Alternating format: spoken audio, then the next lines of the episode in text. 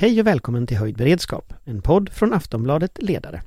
Idag diskuterar vi senaste utvecklingen i Ukraina, där Krim för första gången har angripits av ukrainska styrkor. Vi diskuterar också om Sveriges Radio och deras säkerhetskultur i själva verket utgör ett säkerhetshot efter de senaste skandalerna och lite om valrörelsen. Välkomna! Vår beredskap är god.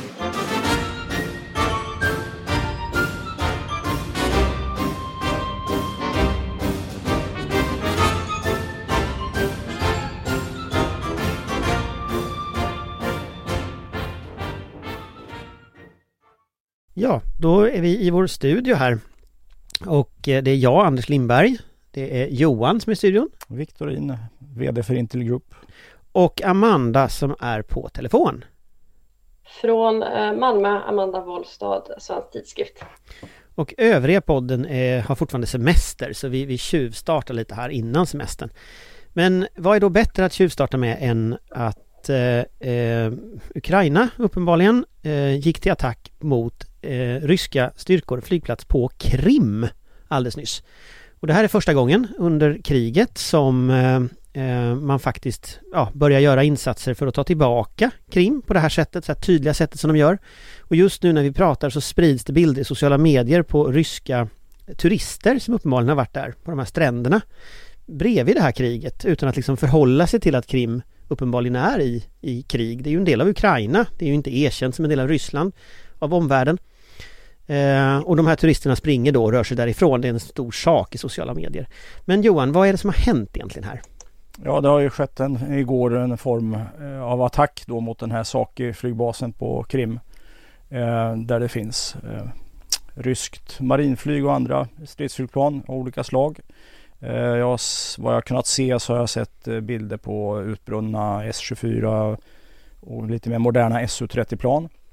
Eh, det här är ju naturligtvis en psykologisk chock att en sån här sak kan eh, hända på en flygbas i vad ryssarna säkert uppfattar som ett säkert territorium. Eh, vem det är som har gjort det här är väl oklart. Det finns väl ett par stycken alternativ. Det första alternativet är att det är ukrainska specialförband som har gjort detta. Det finns ett flertal exempel historiskt på motsvarande attacker, allt från andra världskriget och Falkland, Irakkriget och så vidare, på liknande operationer Eh, kanske det mest troliga. Eh, det kan också vara så att Ukraina har modifierat egna kryssningsrobotar och, och liksom förlängt räckvidden och, och, så vidare. Det kan möjligen finnas några andra förklaringar också men jag tror inte att det är att man har fått någon ny robottyp av USA i hemlighet. Det tror jag inte att det är utan att jag tror att det här är mångt och mycket ukrainskt eh, jobb. Och det här är ju naturligtvis en militär förlust för Ryssland. Eh, det kommer att ta tid att ställa ordning den här basen eh, och kan man då operera på den när Ukraina bevisligen har någon form av räckvidd. Det beror lite grann på om det nu var specialförband eller om det var robotar som slog ut det här. Men framförallt är det en psykologisk chock för Ryssland. Alltså hur stor liksom effekt, om du tänker ur den ryska ledningens perspektiv här, hur, hur stor är effekten av en sån här attack? Alltså den politiska effekten är ju mycket större. Du sa ju själv här att eh, det var flyende turister. Här, här semestrar liksom ja, den mer ryska delen av Ryssland. Eh, det är liksom en känd semesterparadis, eh, Krim. Alltså bilderna är ju folk som ligger ja. på semester, på madrasser på stranden Exakt. och i bakgrunden så ser man de här eh, det, det är glasstrutar och ballonger. Röken och, från liksom utbrunna ryska flygplan. Ja, precis, och det där tar ju kriget till de ryska medborgarna. Men får de reda på det? Ja, det borde de ju få faktiskt. Det finns ju en, precis som det fanns under Sovjettiden så fanns det ju en omfattande eh, sanning på, på backen så att säga. Så det, det får man naturligtvis reda på. Eh, så att det här är en psykologiskt svårt eh, eftersom det då drabbar så mycket av de förluster som nu USA pratar om 70 till 80 000 i förluster sammanlagt då döda och skadade och då har man ju passerat Afghanistan. Eh, Ryssland alltså? Ja precis i förluster. Det har ju varit liksom i avlägsna republiker i, i liksom på andra sidan Uralbergen och sånt och inte liksom själva kärnryssland om man säger så. Men här är det ju verkligen liksom Moskvabor och Sankt Petersburgsbor som semestrar. Har råd att semestra där. Så att eh, det blir nog svårt att dölja. Amanda, vad säger du? Nej men det är naturligtvis det, det Johan är betydligt kunnig om de militära delarna och eh, de troliga förklaringarna till, till vad som exakt har hänt. Men just eh, chocken är ju den, den ryska chocken över att och det har vi ju sett tidigare när man har eh, slagit till mot ammunitionslager och annat, att Ryssland förefaller ju närmast chockat när Ukraina slår tillbaka, inte bara i direkt strid med Ryssland utan på en högre nivå. Eh, man har tydligen inte riktigt psykologiskt väntat sig att Ukraina kommer att börja bedriva försvarskrig på riktigt. Eh, och detta är ju en oerhörd symbolisk seger för Ukraina, att man förmår eh, slå ut eh, strategiska eller viktiga områden för Ryssland, viktiga baser, lager och så vidare, att man har den förmågan även på territorium som Ryssland betraktar som säkert betraktar som eget och inte bara på det Ryssland betraktar som ukrainskt territorium därför att Krim är ju eh, som sagt rysk, eh, ukrainskt men ockuperat. Eh, så att eh, jag tror inte vi ska underskatta den psykologiska vinsten av, av detta. Eh, Men jag tänker på, finns det, inte, finns det inte en intressant grej här att amerikanerna har ju gett de här HIMAR till exempel, man ger vapen. Men där man har tydligt sagt till Ukraina, du får inte använda det på ryskt territorium. Ukraina är ju, eller Krim är ju inte ryskt territorium, Nej, det är, det är ju ukrainskt territorium. Absolut. Så finns det inte något lite spänn, intressant här att liksom Ukraina ändå det finns ju uppenbarligen, och det sa ju Zelenskyj också i sitt tal i natt, att, att deras ambition var ju att ta tillbaka Krim. Mm. Och den retoriken, jag har inte hört den liksom backas upp med, ja det har ju inte backats upp med den här typen av saker, men jag har inte hört skärpan i den här retoriken riktigt förut. Nej, det är ju ett steg framåt. Sen kommer det ju inte ske över en natt så att säga. Eh, men eh, det är precis som du säger, det är en skärpning i retoriken och han var ju tydlig med att kriget startade med Krim och det kommer också att sluta med Krim. Men om du tittar på det rent militärt, om vi ska liksom prata på riktigt på marken, finns det liksom realistiska möjligheter att ta tillbaka Krim? Det kommer ta väldigt lång tid. Det har vi varit inne på tidigare. Ehm, det är en sak att Ryssland anfaller och tar 150 meter om dagen eller något liknande till stora förluster. Det är en annan sak att försvara.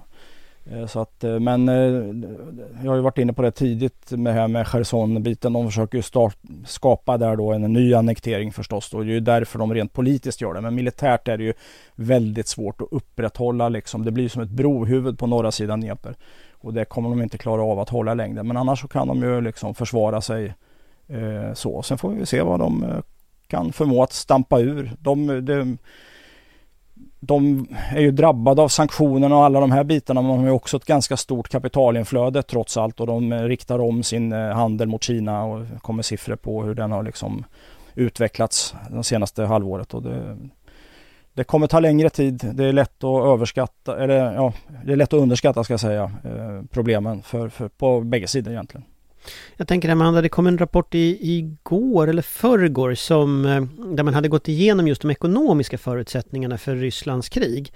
Och där just man, man tittade på eh, man konstaterade att man hade underskattat hur stor del av den ryska tunga industrin som var beroende av komponenter västifrån. Och när de inte kommer in så stannar nu sak efter sak produktionslinje efter produktionslinje redan stannat. Men nu har Ryssland då gått in och tagit till exempel flygplan, civila flygplan och så.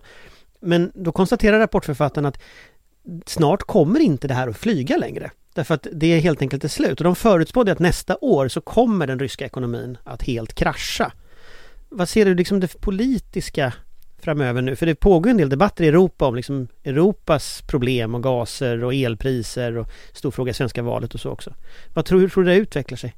Eh, vi pratade ju om del, en del i det i våras också, att sanktionerna ju är ett långsiktigt verktyg och att det just är troligen är komponentbristen som kommer göra dem eh, kommer slå hårdast eftersom de inte har förmåga att eh, tillverka tekniska komplicerade komponenter. Det är så otroligt mycket som, som rider på detta. Dels vapentillverkningen och olika system och flyg och annat, men även jordbruksmaskiner, olika typer av datorer, annat som liksom behövs för att kunna hålla den, den eh, nationella ekonomin igång i Ryssland. Eh, och att den stora svårigheten här är just hur kommer Europa klara vintern? Och där har vi ju sett en del rörelser där man har börjat eh, med olika kampanjer och satsningar för att dra ner på el och gasanvändningen. Man har börjat hamstra gas från andra källor för att försöka klara sig genom vintern och så vidare. Men det kommer bli otroligt tufft. Eh, inte minst Tyskland har ju svajat betänkligt på den här punkten till och från. Och de har ju också ett eh, politiskt eh, arv, eller vad man ska kalla det, betydligt senare än det man kanske normalt tänker på. Där väl eh, Gerhard Schröder var det väl som var i Ryssland i somras och eh, glatt poserade på bilder med Lavrov och så vidare mitt under brinnande krig. Och man har den här kopplingen och det här institutionella arvet av det här täta samarbetet med Ryssland, idén om att Ryssland skulle bli en normal stat om man bara handlade med dem tillräckligt eh, och hela samarbetet kring Nord Stream 2 där det naturligtvis var fruktansvärt mycket pengar involverat. Eh, så att där, det är väl en av de svaga punkterna. Även Frankrike kommer få problem och där är det ju en otroligt stor pedagogisk utmaning för de politiker som har vett och förstånd att försöka förklara varför vi kommer behöva ta en tuff vinter eller två eh, för att det här handlar om så mycket större värden. Men det är inte helt lätt att förklara när man har en befolkning som fryser. Vi har ju dessutom eh, inflation och andra ekonomiska problem vilket innebär att många hushåll, hushåll i Europa redan är väldigt utsatta och inte har råd med alltför höga el och gasräkningar och vad annat det kan ha. Så det kommer bli jättetufft och det kommer säkerligen bero lite på hur kriget går också och hur media rapporterar kring det. Om man förmår hålla kriget och krigets fasor i fokus så kommer det bli lättare att motivera eh, det här avkallet på komfort Eh, medan om vi ser om den här utvecklingen vi har sett att, att det försvinner lite bort från första sidan av nyhetssändningarna då kommer det nog bli oerhört svårt om det känns som om det är någonting långt borta för varför ska folk lida, lida för det?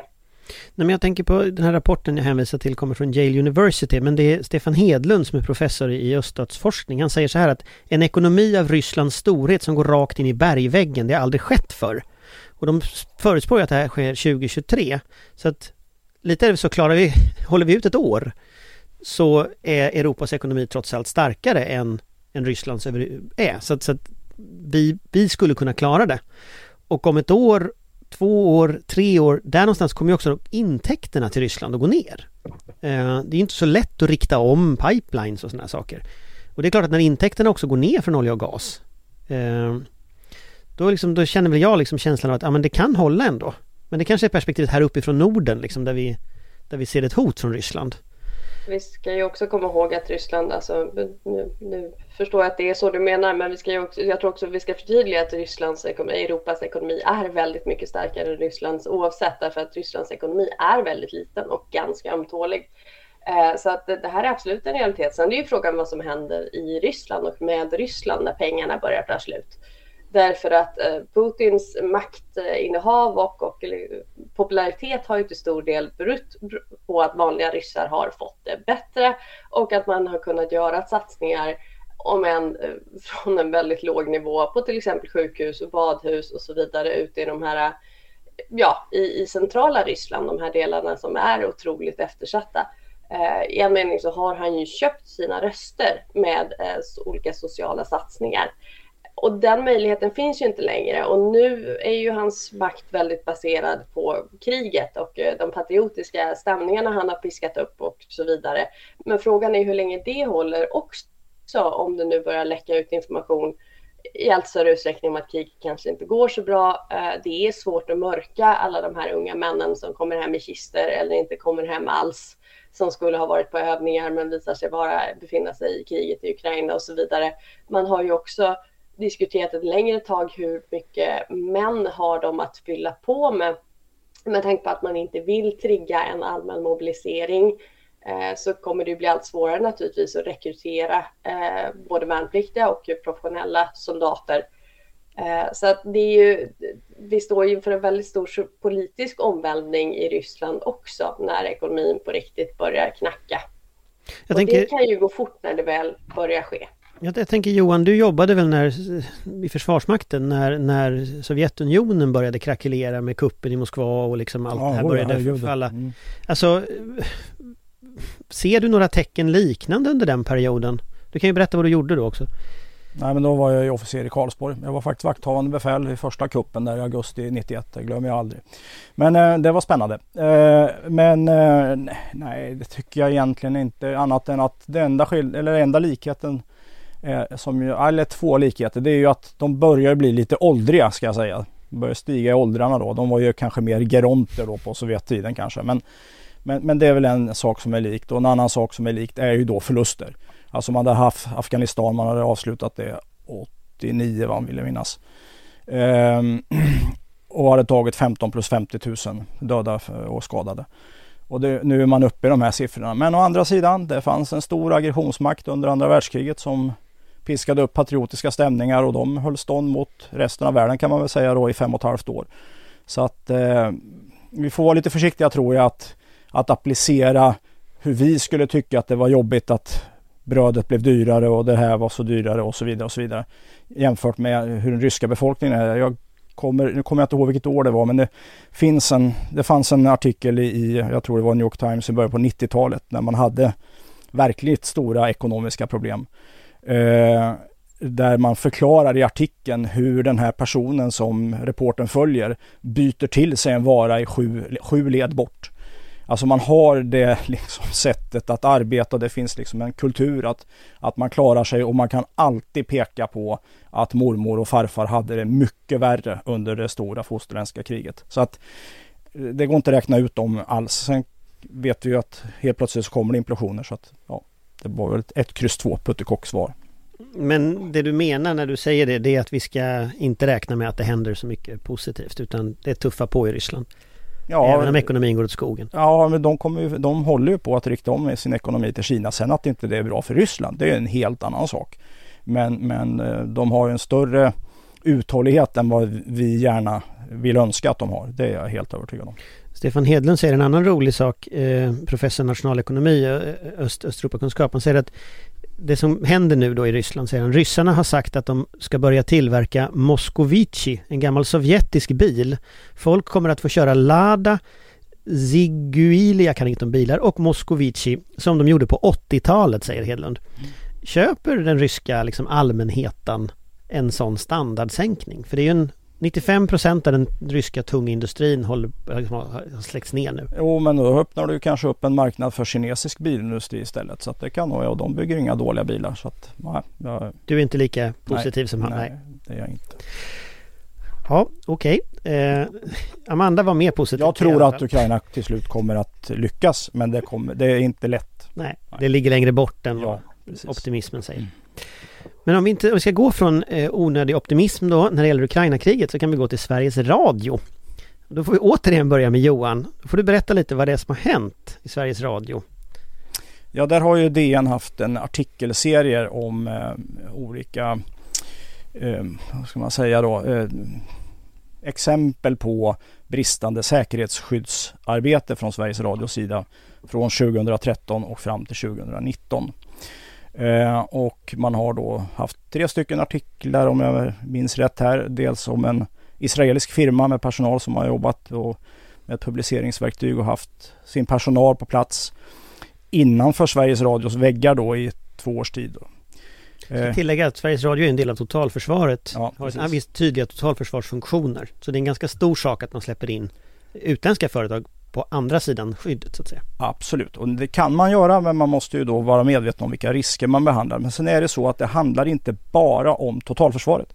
Utan Sveriges säkerhet är bredare än så. Eh, totalförsvaret är ju det som vi gör för att förbereda oss i krig men vår säkerhet gäller ju även i fred. Eh, och det är skydd mot spioneri, det är skydd mot sabotage, det är skydd mot terrorism. Och det gällde även 2013, 14, 15, 16, 17, 18 tills vi fick den nya lagen som är kanske är lite mer tydlig i de här avseendena. Men det gällde fortfarande på den tiden. Så att det var den ena grejen. Den andra grejen var att man hade lite arbetstid över, över en, eh, till en konsult som höll på att jobba med annat. Och då satte man honom på ett projekt då enligt DN eh, med att eh, jobba med det som kallades för skyddad produktionsplats utsändning. Och eh, då kom man till ett par studios. Han fick då tillgång enligt DNs uppgifter till ett par studios, till en driftcentral som finns kopplad eftersom det är en utsändning som ska ske.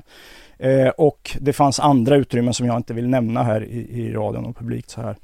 Eh, och sen fick han liksom jobba med det på den arbetstid han hade över och han lyckades väl göra det på ett bra jobb då. Eh, problemet var ju då att han dokumenterade detta eh, digitalt Eh, och där har då DN tagit del av den dokumentationen eh, och den beskriver då väldigt ingående hur det här är tänkt att fungera. Eh, och då är det ju så att bara för att Sveriges Radio säger att det här inte är säkerhetskänsligt så kan det ändå vara en säkerhetsskyddsklassificerad, på den tiden hette hemlig uppgift. Då. Eftersom det har att göra med hur det ska fungera, kanske då i ett beredskapsläge.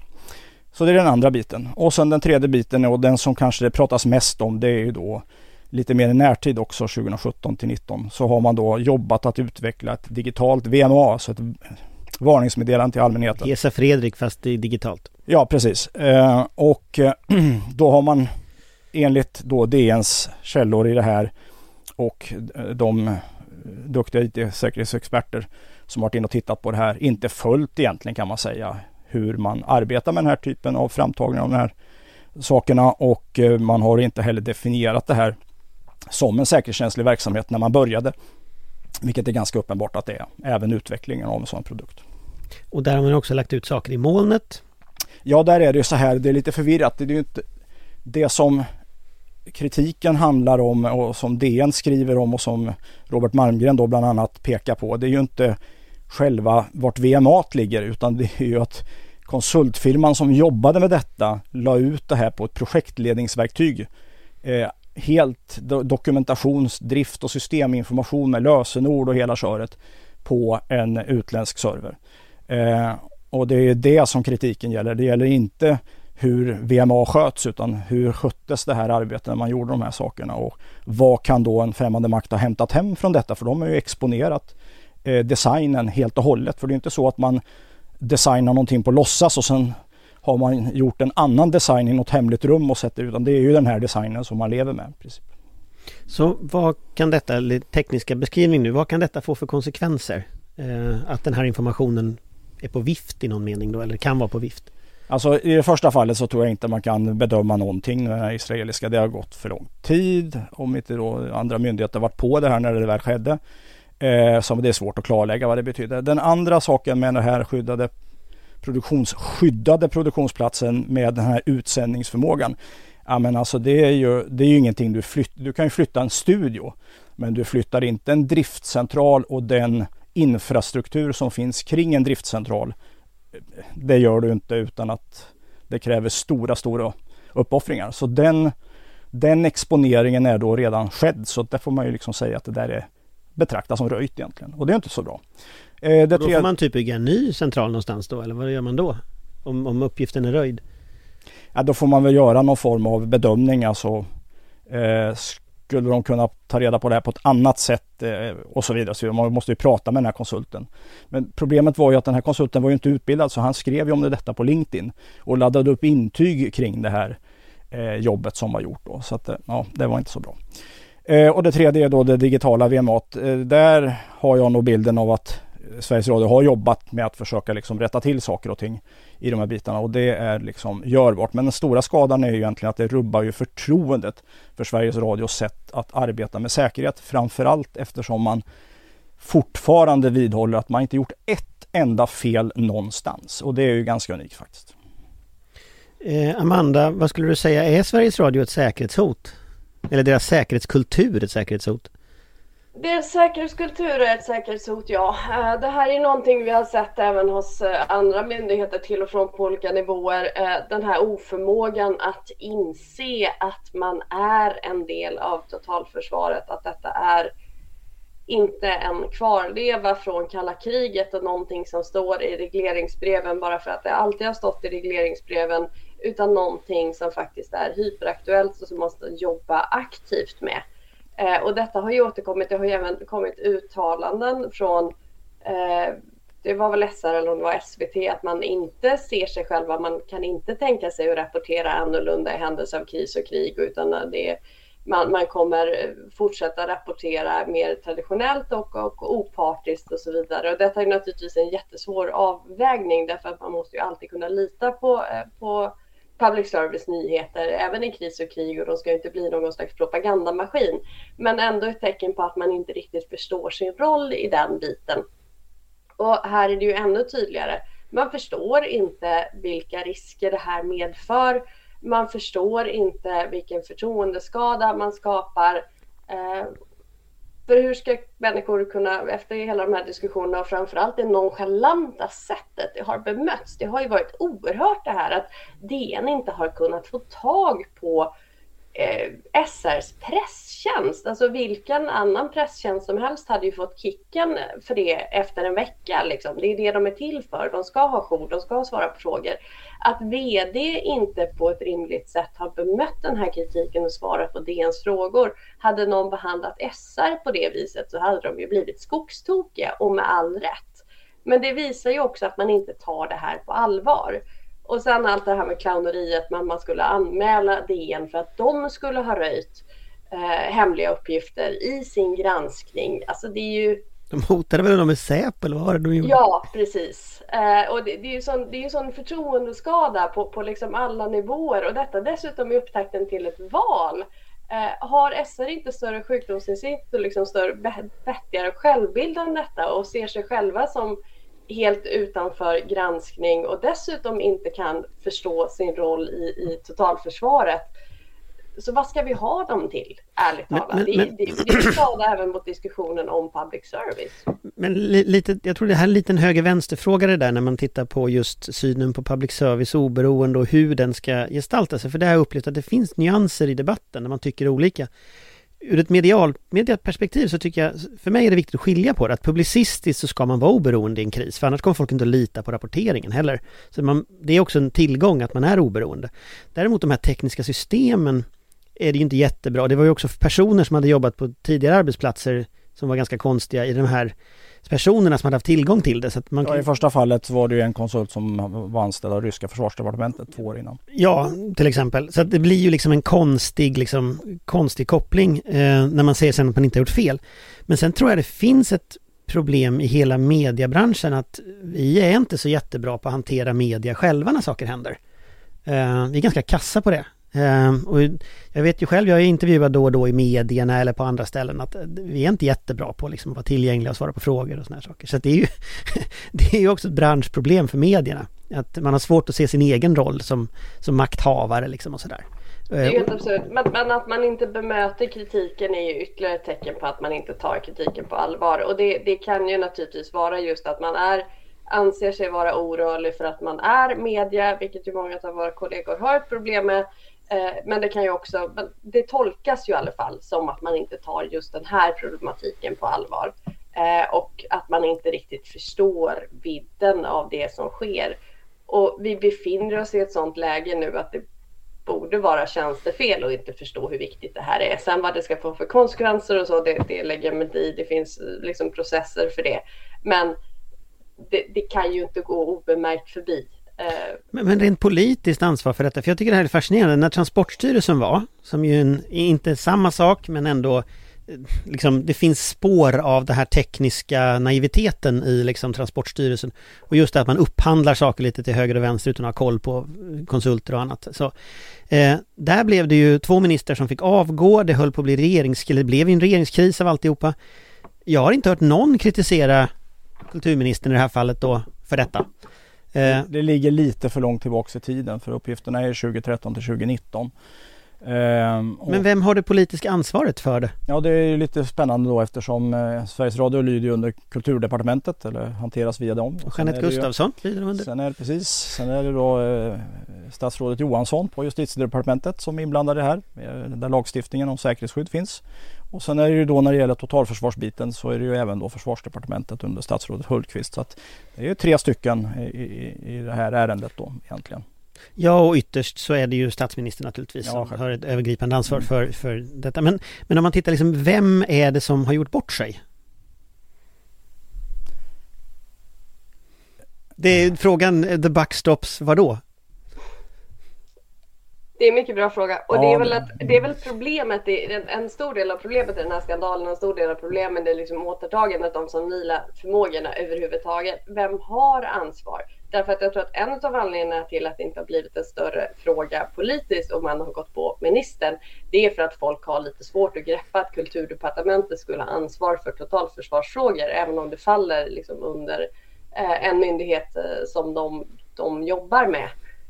Um, Försvarsutskottet har ju engagerat sig lite i frågan. Ja, men de ju... kommer ju ur ett... Vi var ju där igår och... Ja, du kan ju berätta lite om det. Ja, det var ju ett seminarium och då pratade vi inte om Sveriges Radio per se utan vi pratade om säkerhetsskydd och våra erfarenheter av den nya lagstiftningen från 2019 och framåt. Sen fick vi frågor om Sveriges Radio som jag tyvärr inte kan gå in på i detalj vad de handlade om.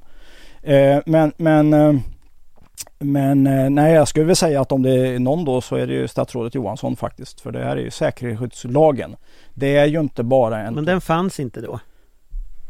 Eh, jo, det fanns en säkerhetslag på ja, den tiden också. Okay. Men inte, den nya fanns inte? Sveriges Radio försöker försvara sig med att ja, men det var ju gamla och vi kan inte titta med de här nu det är en ny lag och sånt. Men det gällde skydd mot spioneri, sabotage, terroristbrott etc. Och det är det som, säkerhetsskyddet är alltså bredare än totalförsvaret. Totalförsvaret kanske är mer allvarligt så men, men eh, det är inte bara beredskapsuppdraget och det här går Sveriges Radio fel skulle jag säga. Eh, lagstiftningen är ganska tydlig. Det är verksamhetsutövaren som är ansvarig. Det är alltså eh, Silla Bänke som VD som är ansvarig för detta. Sen finns det då tillsyn i det här fallet då Länsstyrelsen i Stockholms län. Och sen finns det ovanpå detta då egentligen Säkerhetspolisen. Så det är Länsstyrelsen i Stockholms län som ska ha hand om... Som ska utöva tillsyn. Att man detta. inte ska röja hemliga sändningsrum och sånt? Ja, exakt. Men då är det ju så här att det förutsätter ju att verksamhetsutövaren har förstått att det här är en säkerhetskänslig verksamhet. Och det är ju där grundproblematiken, det är där man går fel därför att man tittar bara på sin totalförsvarsuppgift, sitt beredskapsuppdrag. Men säkerhetsskyddet är mycket bredare än så. Jag, jag, jag, jag, kan inte liksom detaljerna i alla de här lagstiftningarna och sånt där, men jag tycker det är väldigt fascinerande att titta på det. Det var en lite ledande fråga vem som var ansvarig, för jag vet att det inte går riktigt att, att, att det är väldigt svårt att reda ut. Men närmast till hand så ligger naturligtvis Länsstyrelsen. Och så, så, är det för ganska många verksamheter faktiskt, där länsstyrelserna har ett väldigt mycket större ansvar än vad man tror. Mm, så det är liksom ingen, det är, det är, inte unikt för detta. Men jag tror att för en lekman så framstår det som helt absurt att det är liksom landshövdingen i Stockholms län som någonstans ska ha ett, eh, ja, tillsyn till en massa saker som naturligtvis ingen i Stockholms läns landsting eller lands, lands, länsstyrelse har någon vidare koll på. Ja, men de har experter. Absolut, men, men de verkar ju inte haft koll. De har många. Nej, men den nya lagstiftningen bygger på att du som verksamhetsutövare själv ska identifiera. Det är alltså helt delegerat, decentraliserat och det har ju riksdagen röstat igenom att så ska det vara.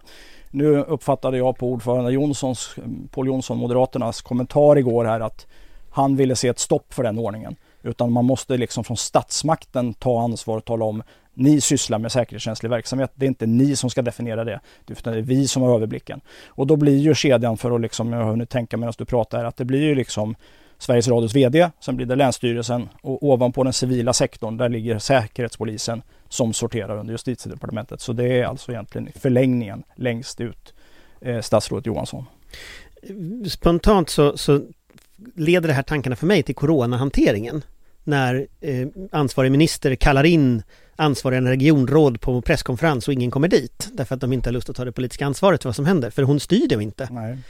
Och, och, någon jämförde den svenska förvaltningsmodellen med att valla katter. Att liksom alla springer runt åt alla håll, liksom. det, det, det finns ingen liksom, styrning. Och jag tycker det här blir på något sätt ytterligare ett exempel på det. Uh, och jag tycker er tystnad när jag sa vem som var ansvarig är också intressant därför att, därför att det finns ju någon som är ansvarig. Men det är inte så tydligt i vår förvaltningsmodell att det hamnar rätt ofta både tillsyn och ansvar lite här och var och det är inte alltid helt klart.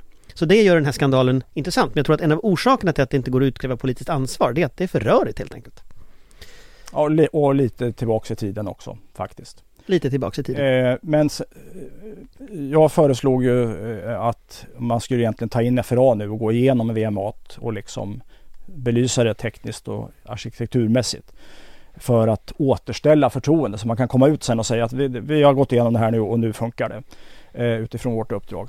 Eh, och sen i avvaktan på det då skulle ju Sveriges Radio kunna lämna in till utskottet, till försvarsutskottet eller till justitieutskottet sina testrapporter som Robert Malmgren föreslog på Twitter igår. Att man lämnar in de rapporterna. Du får nästan berätta vem Robert Malmgren är. Ja, Robert Malmgren är en väldigt internationellt respekterad expert på detta som ordnar sedan lång tid tillbaka en, en årlig konferens här i Stockholm där folk från hela världen kommer dit för att lyssna på, på och träffa likasinnande och naturligtvis Robert också. Så att han är väldigt duktig på de här sakerna och han har varit med väldigt lång tid och Eh, han förstår sig på den här kommunikationsbärarbiten också på ett annat sätt än vad många andra gör tror jag. Så att eh, jag har stor förtroende för honom när det gäller den här typen av frågor. Eh, och han föreslog då på Twitter igår att i avvaktan på att eh, någon granskar det här utifrån, för det måste vara någon utifrån som gör detta, så kan ju Sveriges Radio lämna in sina eh, testrapporter man har bedrivit då sedan 2017 till 2021 eller något liknande. För det ska man ha gjort om man liksom ska sköta sin säkerhet ordentligt.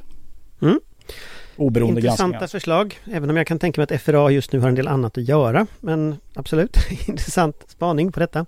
Ska vi ta det tredje ämnet som vi tänkte idag som ju faktiskt är att det börjar en valrörelse den här veckan. Eh, Amanda, vad tänker du kring liksom försvars och säkerhetsfrågan i den här valrörelsen? Ja, de lär ju vara aktuellare än på länge, men det behöver ju tyvärr inte innebära så mycket. Um Nej, men mot fonden av kriget i Ukraina och allt det som har skett och även SR och tidigare säkerhetsskandaler så tror jag ju absolut att det här kommer vara ett ämne som till del diskuteras i synnerhet av de partier som tror att de kan gynnas av en sådan debatt som har en starkare profil i försvars och säkerhetsfrågor. Eh, samtidigt så vet vi ju att försvars och utrikespolitik sällan blir några stora frågor i valrörelsen och eh, detta kommer väl mer än på länge kanske bli dels ett ekonomiskt val med eh, inflation och, och andra orospunkter, eh, höga bränslepriser och höga elpriser inte minst. Energifrågan kommer ju bli stor. Men också de interna säkerhetsfrågorna kommer säkerligen bli stora Eh, kriminaliteten, eh, polisen eh, och så vidare. Så att ja, bättre på ett tag och vi får väl göra det vi kan, de av oss som är engagerade i de här frågorna för att försöka hålla det på agendan. Men tyvärr tror jag kanske att det kan vara svårt, lite beroende på, återigen, beroende på hur det går i Ukraina. Därför att kommer det Händer det någonting nytt där och det får eh, stora rubriker under valrörelsen så kommer det Eh, kommer det påverka. Men vi kan ju i alla fall hoppas att det, detta kommer bli en valrörelse där försvar och säkerhetsfrågor åtminstone får några minuter i de officiella partiledardebatterna, vilket de ju inte har fått på många, många år, vilket är ett otroligt underbetyg. Återigen till media som inte riktigt förstår eh, allvaret i de här frågorna. Hur mycket NATO-debatt tror du det blir? Det är ändå ett par partier som inte vill att Sverige ska gå med i NATO och eh, det avgörs ju faktiskt av nästa riksdag i någon slags mening, de som väljs.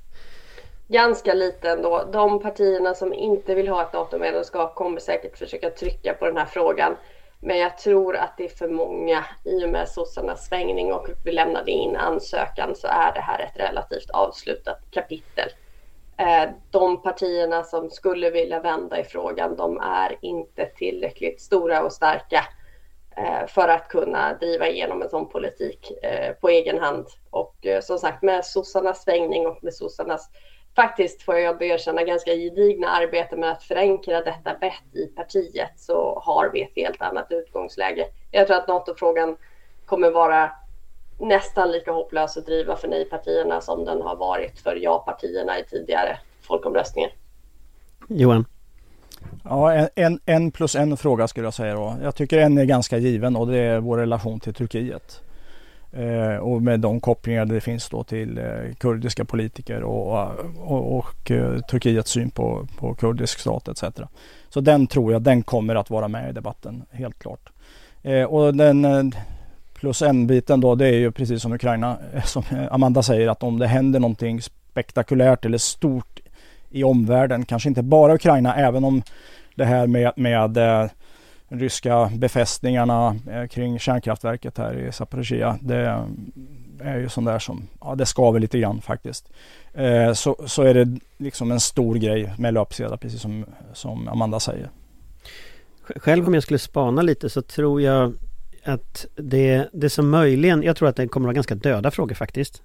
Möjligen så kommer försvarsfrågorna faktiskt upp för första gången. Eh, jag noterar att flera av partierna på sociala medier just nu gärna eh, eh, vad heter det, stoltserar med att deras barn åker iväg och gör värnplikt eller de inviger någon ny grej framför någon stridsvagn eller det, det, det var ju inryckning i veckan här nu så att, så att det är ju det, det sker en typ av kommunikation från politikerna där de gärna är bredvid stridsvagnar och bredvid soldater och går och lyssnar på någon officer och så vidare.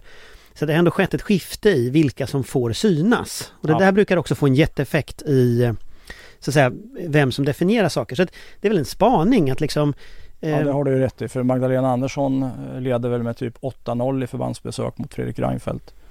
Honom såg man ju aldrig på det sättet medan hon då var Hon leder ju lite i försvarsutgifter också mot honom. Ja.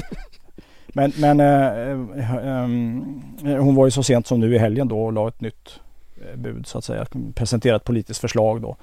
I, i, jo men jag tror att det kommer att finnas här. Miljön. Ja och det finns en sån här Det hon presenterade nu i veckan det var ju också det här med att man ska hjälpa till att utbilda ukrainska soldater. Så vi blir ju också mer och mm. mer inblandade Absolut. i den konflikten. Mm. Väldigt öppet och tydligt och av goda skäl. Eh, och, och, den kommunikationen har vi inte sett så tydligt från, från politiker. Så jag skulle, skulle förvåna mig om folk kommer att dyka upp på Visby korvetter och folk kommer att eh, stå på skjutbanor och, och så vidare. Alltså, så kommer det säkert vara men så. det är frågan om det blir någon politisk konflikt kring detta. Det vet jag inte. Men, jag har men... varit på fler korvetter än dig. Ja, det har du garanterat varit. Nej, men alltså men, den men, typen av retorik menar jag. jag vet inte, men jag, jag, bara noterar en förändring när jag tittar på Instagram och, och, sociala medier. Att, att, här finns det liksom en förändring. Men det, är inte den ganska bred då? Är inte den över hela politiken, så att säga, över hela fältet? Jag är inte säker. Jag tycker det ser ut som att sossarna håller på att ta hem det här. Jag tycker att borgarna får steppa upp lite och åka och titta på stridsvagnar i så fall. För att ju, just nu så är det ju liksom Magda och Hultqvist som, som är ute och röjer. Och det, det tror jag är medvetet också från sossarna. Att liksom, de vill gärna ha lite kamouflage-stil på sina, sina affischer så att säga. En spaning i det kan ju också vara, förutom naturligtvis att det nu är viktigt att visa stöd för vårt försvar och detta har blivit något av en hygienfråga för eh, riksdagspartierna, tack och lov och äntligen, eh, att det också är ett i dessa lite förvirrande ideologiska tider vi befinner oss i så är det ett ofarligt sätt att visa på någon form av patriotism. Eh, att visa att man, man liksom stödjer Sverige och Sveriges försvar och så vidare utan att behöva ta itu med de här lite krångligare frågorna om eh, tillhörighet och, och så vidare. Så att det är ju en enkel backdrop att använda. Eh, jag kan väl hålla med om att borgerligheten får steppa upp och åka och besöka lite fler regementen men samtidigt så tror jag i likhet med Johan att, att eh, konfliktpunkten är, är begränsad här faktiskt. Eh, jag tror inte att det, det, det är det är ju ingen som är uttalat mot i princip. Vänsterpartiet faktiskt. försökte ju lite där vara mot pansarskotten första varvet och det gick ju helt i sjön för dem. Ja. Så att jag tror inte, det är, det är nog ingen som kommer att försöka med den grejen igen liksom.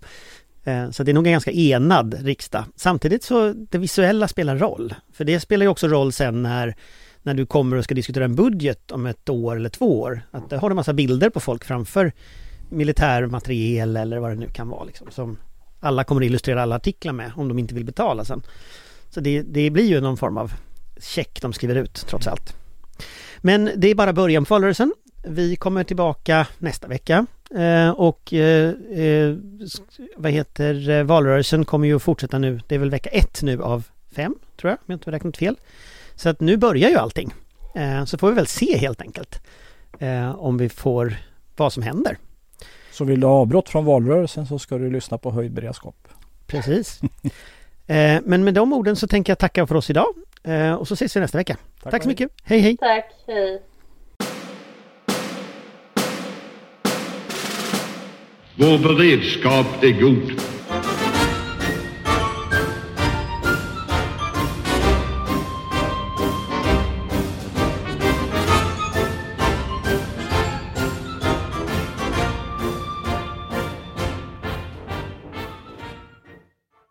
Du har lyssnat på en podcast från Aftonbladet.